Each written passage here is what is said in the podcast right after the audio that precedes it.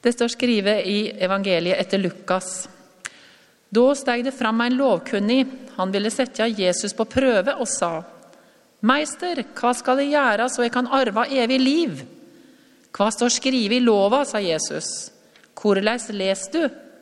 Han svara, du skal elske Herren din Gud av hele ditt hjerte og av hele din sjel og av all din makt og av alt ditt vit, og elska nesten din som deg sjøl. Da sa Jesus, du svarer rett, gjør det, så skal du leve.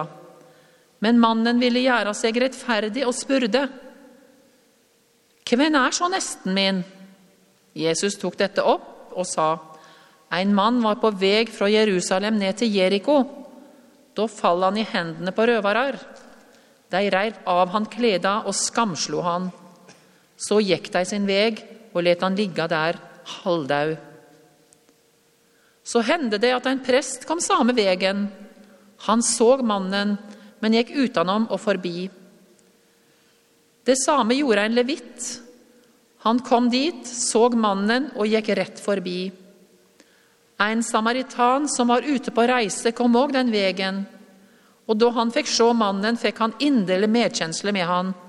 Han gikk bort til mannen, helte olje og vin på såret hans og la forbinding på deg. Så lyfte han mannen opp eselet, på eselet sitt og førte han til et herberge og stelte vel med han.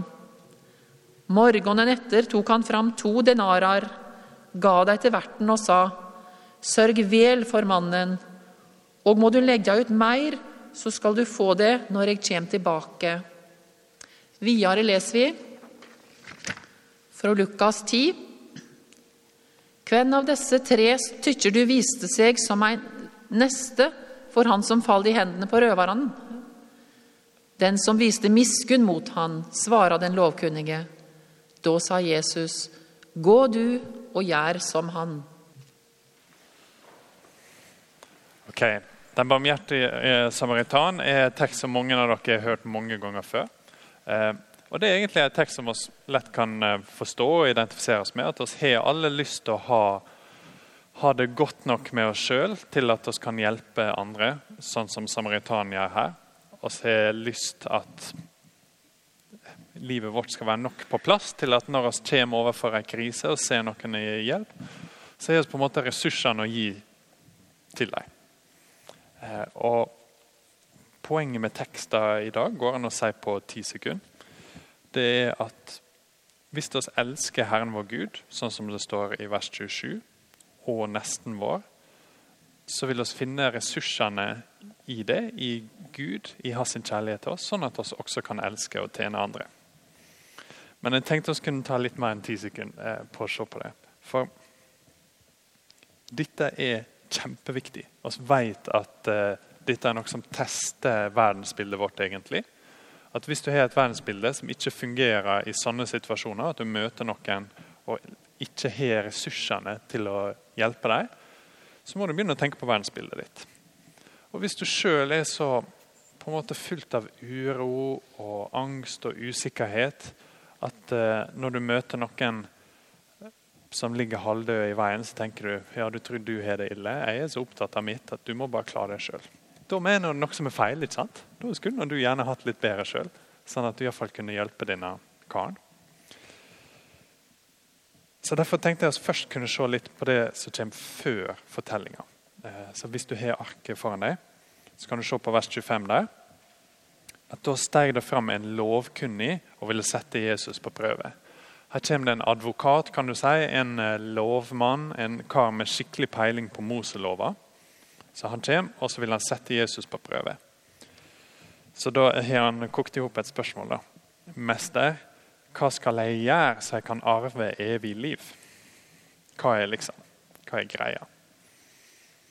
Og Så svarer Jesus med et spørsmål. Naturlig nok, Han har peiling på lova, så spør han hva står skrevet i lova. Hvordan leser du? Så Jesus er ikke bare interessert i et fasitsvar her. Han vil på en måte ha hjertet. Han vil hvordan, hvordan, tolker du disse tekstene? Hva ser du som viktig? Hvordan, ja, hvordan er hjertet ditt, rett og slett? Og så er det den lovkunnige, det er han advokaten, som kommer med rett svar. Vers 27. Helt rett svar. Han svarer. Du skal elske Herren din Gud av hele ditt hjerte, av hele din sjel, av all din makt og av alt ditt hvit. Og elske nesten din som deg sjøl. Så han, dette er ikke bare et direkte sitat av ett bibelvers. Han setter til og med sammen to bibelvers og kommer opp med rett svar. Så da er Jesus fornøyd og sier du svarer rett. Gjør det, så skal du leve. Da burde egentlig mannen tenkt å hjelpe meg. Skal jeg gjøre dette perfekt? Skal jeg gjøre dette til et nivå sånn at jeg kan fortjene et evig liv med Gud? Så dette er et naturlig tidspunkt at han faller på kne og ber Jesus om nåde. Men som vi skal se, så er ikke hjertet sånn. Vers 29. Mannen ville gjøre seg rettferdig og spurte hvem er så nesten min? Så tar Jesus opp det, og så forteller han fortellinga om den barmhjertige samaritan. Så her er en mann som eh, han kan svaret, men han liker egentlig ikke svaret. Eh, hjertet er på en måte ikke på plass. Så når Jesus bare gir han oppgaver, så må han rettferdiggjøre seg sjøl. Kanskje han har lyst til å vite akkurat hvordan dette skal skje. akkurat Hvem er det som teller som nesten? Er det folk i min familie? Er det folk i min klan? I min gruppe? Hvor, hvor langt ut skal det gå? Så sier Jesus. Kjempekjent tekst. En mann var på vei fra Jerusalem ned til Jeriko, og da faller han i hendene på røvere. Dette er en eh, en vei på jeg tror det er 27 km. Eller noe sånt. Og det går ganske bratt nedover. Det er 1200 meter høydeforskjell. Jerusalem ligger høyt oppe og Jeriko lavt nede. Under null. Eh, så Derfor går han ned til Jeriko, og på den veien så feller han i hendene på røvere. De river av han klær, de skamslår han. Eh, de går sin vei, og han ligger igjen halvdød. Så kommer det en prest samme veien. Det var ganske vanlig for prester å bo i Jeriko. For de jobba en slags turnus. Så de var i Jerusalem og jobba med alteret og tjente, tjente Gud sånn, og så for de hjem igjen. Så han er kanskje akkurat vært på jobb, eh, vært der ei tid, og nå skal han hjem igjen. Så ser han mannen. Jesus gjør det helt tydelig i fortellinga si. Han ser mannen, han ser hva som er greia, og så går han forbi. Så kommer det en levitt Eh, de tilsvarende som en prest hadde litt underordna oppgaver i tempelet, men i samme kategori. Her er noen med moralsk status og peiling. ikke sant? Ser mannen og går rett forbi. Og så kommer det en samaritan. Og I vårt språk så er en samaritan blitt en som gjør gode ting mot folk. ut denne fortellinga.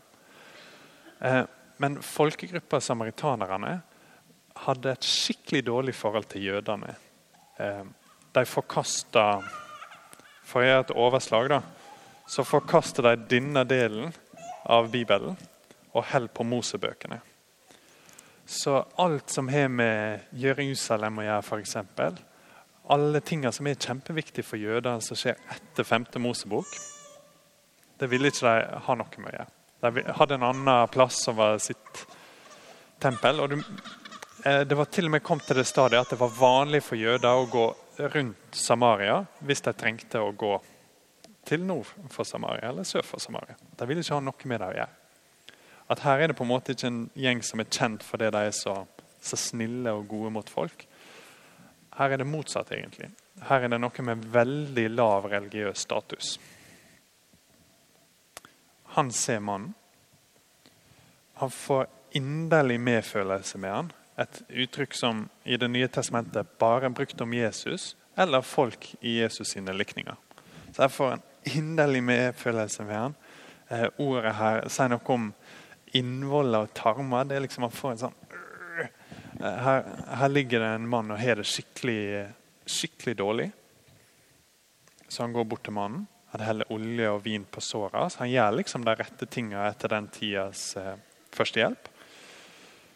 Han eh, binder såret, sånn som han akkurat har gjort med tigeren vår. og Så løfter han han opp på eselet sitt og fører han til et herberge og steller vel med han. Han eh, gir to denarer, to dagslønner, og betaler for oppholdet. Og sier at hvis det er noe mer, så fikser jeg det senere. Og så er vi tilbake til Jesus' sin samtale med den lovkunnige. Så sier han bare til han, han har snudd litt på det, og sier Hvem av disse tre syns du viste seg som en neste for han som faller i hendene på røverne? Hører dere han har snudd på det? Det er ikke ok, hva vil det si å være en neste. Her er det Hvem av disse viste seg som en neste? Eh, og den lovkunnige svarer litt sånn. Kanskje litt surt. Den som viste miskunn mot dem. Så sier Jesus, 'Gå du og gjør som han'. Mye spennende her. Eh, og En ting som er veldig spennende, syns jeg, er hvorfor fungerer ikke dette? For oss vet nå ofte at det er dette vi skal gjøre. Og vi forstår Jesus sitt poeng i fortellinga, at her er det mer enn bare hvis du tilfeldigvis ser en mann mellom Jeriko og Jerusalem som akkurat ligger halvdød i akkurat den grøfta. At dette er en større ting. Her er det snakk om generell hjelpsomhet for andre folk. Her er det snakk om å elske nesten sin som deg sjøl. På alle måter det byr seg en mulighet. Så hvorfor fungerer det ofte ikke? Hvorfor er det sånn at i ulike kulturer, og til og med i vår bygd, så ser oss ofte at vi kunne hatt mer nestekjærlighet? Det går an å si at eh, ja, I denne teksten så ser du tradisjonelle verdensbilder. Typisk sånne religiøse folk. ikke sant? Her er en prest. Han er sikkert opptatt av sin egen synd og sin egen skam, og derfor ser ikke han tida. Eh, det er ofte et problem i tradisjonelle kulturer at de blir veldig opptatt av sine grupper. De er veldig flinke på fellesskap, men derfor også ofte litt flinke på å si hvem som er innafor og utafor. Han Presten hadde sikkert stoppa for en annen prest. Kanskje. Og så veit ikke hvem det er som ligger i grøfta. Det sier ikke Jesus. Men det er iallfall et eller annet som ikke funker. Men det er også litt spennende synes jeg, å se på vår egen tid. Så Hvis dere tåler fem minutter med filosofi, så er det en kanadisk filosof som jeg syns er veldig spennende. Jeg lærer masse når jeg leser han. Eh, han heter Charles Taylor. Eh, han er en prisvinnende kanadisk filosof. Eh, og Han sier at i vår tid så er vi veldig opptatt av å finne oss sjøl. At for å finne ressursene til hva som helst, for å finne dette gode livet sånn at vi kan eh, hjelpe andre, så ser oss inn i oss sjøl, prøver å oppdage hvem vi er, finne oss sjøl. Dette er plottet i alle Disney-filmer, hvis du har sett en. Vi skal finne oss sjøl, og når vi finner det, så skal vi leve det ut. Ingen skal kunne si til oss at vi ikke skal være sånn, for dette er den jeg er. Sånn skal jeg leve ut. Um, men så sier Charles Taylor at det skjer noe veldig rart. For når vi er så opptatt av å finne oss sjøl, så er vi derfor veldig trygge på at mennesket i seg sjøl er godt, og at vi finner gode ting hvis vi begynner å lete. Og Da sier han at det skjedde noe rart. Jeg leser dere et sitat. Han sier at i møte med realiteten av hvem mennesket er, og at mennesket kommer til kort, så kan filantropi, altså kjærligheten til mennesket, bli gradvis fylt med forakt, hat og aggresjon. Det Han sier, han snakker som en professor, men det han prøver å si, er at det som er skjedd, at når folk med vårt moderne tankesett går til folk i nød eller i ulike vanskelige situasjoner med sitt verdensbilde om at mennesket er godt i seg sjøl. Så må vi bare finne ut hvem vi er, vi må stole på oss sjøl og ha god sjøltillit. Da vil alt falle på plass i livet vårt. Så kommer de til folk som har det virkelig vanskelig. Folk som er langt nede på mange ulike måter. Det kan være at de har det økonomisk vanskelig. Eller det kan være at eh, det rett og slett er holdninger som ikke er sunne også. Vi skal se litt på forskning straks om folk som er voldelige. og Du merker liksom at ting ikke er på plass med dem. Så begynner de å merke at her er noe annet på gang. Her er det får, får det liksom ikke til. at det virker ikke som vi har noe å gi dem, sånn at de virkelig kan endre seg. Det virker nesten som om de ikke er så gode inni seg. Og Så ender det ofte opp med at vi må lage en ny kategori. At vi har alle oss andre som er gode, og som oppdager oss sjøl og finner oss sjøl. Og så er det noen der borte som kanskje får litt skam. For de har vi funnet ut kanskje ikke var så bra. Så dere ikke tror at dette bare er noe jeg dikta opp. Så jeg har lyst til å lese dere noe en psykolog som heter Lauren Slater sier. Hun er utdanna ved Harvard og har skrevet litt for New York Times. Og hun sier at bare i fjor så var det publisert tre knusende studier av selvtillit i USA. Alle hadde samme hovedpoenget. Folk med høy selvtillit utgjør en større fare for folk rundt dem enn folk med lav selvtillit.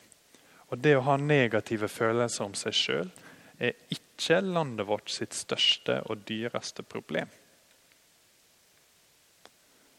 Som er ganske interessant, syns jeg. at hvis det er sånn at mennesket dypest sett er godt, så kan det være løsninger på mange problemer. At vi sier at ok, vi må bare oppdage det gode inni oss eh, og lære å stole mer på oss sjøl. Og så vil alt gå bra. Men så begynner vi å se at forskninga en gang støtter ikke det. Og hun, Slater siterer igjen en som heter Nicholas Emler. Jeg er snart ferdig med professorene. Men han er professor i sosialpsykologi på London School of Economics. Og han sier at oss har tatt selvtillitstester på asosiale menn. Og finner ingen bevis på det gamle psykodynamiske konseptet om at de i all hemmelighet tenker dårlig om seg sjøl. Disse mennene er rasister eller voldelige fordi de ikke føler seg dårlig nok. Akkurat motsatt av hva som eh, ofte, tenker, egentlig. Og Se et eksempel på dette i tekster. Eh, I tekster så står det i eh, vers 27 Elsk nesten din som deg sjøl. Mange av oss når vi leser det, så snur oss det og så sier vi at jeg må elske meg sjøl. Da kan jeg elske nesten min. Som er akkurat motsatt av det klassiske teologer har sagt opp gjennom alle år. De har på en måte heller sett det som en advarsel. At de har sagt hvor opptatt egentlig er den barmhjertige samaritanen av seg sjøl? Ikke han heller opptatt av nesten sin? Så det vi må gjøre hvis vi skal få til dette Jeg håper jeg ikke har gått meg for langt ut på viddene. Eh, eneste poenget mitt var å si at vi klarer ikke å finne ressursene i oss sjøl til dette. Vi må finne ressursene en annen plass. Eh, og tekst, tekster har det klart foran oss. For presten finner ikke det i seg sjøl. Den lovkynnige mannen finner ikke det i seg sjøl. Han må prøve å få endra ting for å gjøre seg sjøl rettferdig. Men Jesus står her og forteller denne fortellinga. For måten at oss kan bli som den barmhjertige samaritan, er å bli som den barmhjertige Gud i denne teksten her, mm, så ligger det egentlig i bakgrunnen at av alle folk Av alle folk, hvem er det som bør stoppe? Hvem er det som bør ha et sjenerøst hjerte overfor folk i nød? Det er de som er frelst av Jesus. Det er de som han gir sin nåde. Gjennom Det nye testamentet så er det tydelig at fattige innvandrere, farløse, foreldreløse generelt, at de har et stort krav på oss. For det som er skjedd, er at oss har oppdaga at oss var de som var mer enn døde. Oss var de som lå i grøfta åndelig sett, og som ikke hadde noe å lene oss på. Så kom Jesus og gikk av sitt esel eh, og satte seg sjøl virkelig til sides for at oss skulle kunne få liv. Eh, og Jeg møter ofte folk som sier jeg har ingenting vondt om dere kristne, men jeg syns det er litt dumt at dere syns at dere skal fare til himmelen og ikke alle andre. Er det sånn at dere syns dere er så mye flinkere til denne typen ting? Og så tenker jeg, «Åh, Det er ikke det som er poenget i det hele tatt. Det er omtrent akkurat motsatt. At Hvis det er det vi formidler, så er det helt, helt feil. Tanken er ikke at oss er de som er gode nok. Tanken er at oss er de som ser hvor gale det sto til, og for en ufattelig nåde som Jesus har gitt oss. Han er den barmhjertige Gud. Han kom, så at oss trengte han, og ga alt for seg. Vi kan ikke finne ressursene til å leve sjenerøst liv kun i oss sjøl. Vi kommer ikke til å ha tålmodigheter med folk når vi møter deres motstand mot det gode. Eh, Vi kommer ikke til å ha krafta sjøl til å kunne stå, ut, stå i det dag etter dag. Men i Jesus, når vi ser hvor masse han ga for oss, så er det håp for til og med oss. At til og med oss kan finne gradvis større sjenerøsitet, mer kjærlighet til nesten vår, for å se hvordan han elsker oss. La oss be. Eh, gode Gud, oss takker deg for at du er den barmhjertige Gud, at du er den miskunnsomme Gud, at du har nåde med oss. Så vi ber om at vi skal kunne ha nåde med andre. Og Det ber oss i Jesus sitt navn. Amen.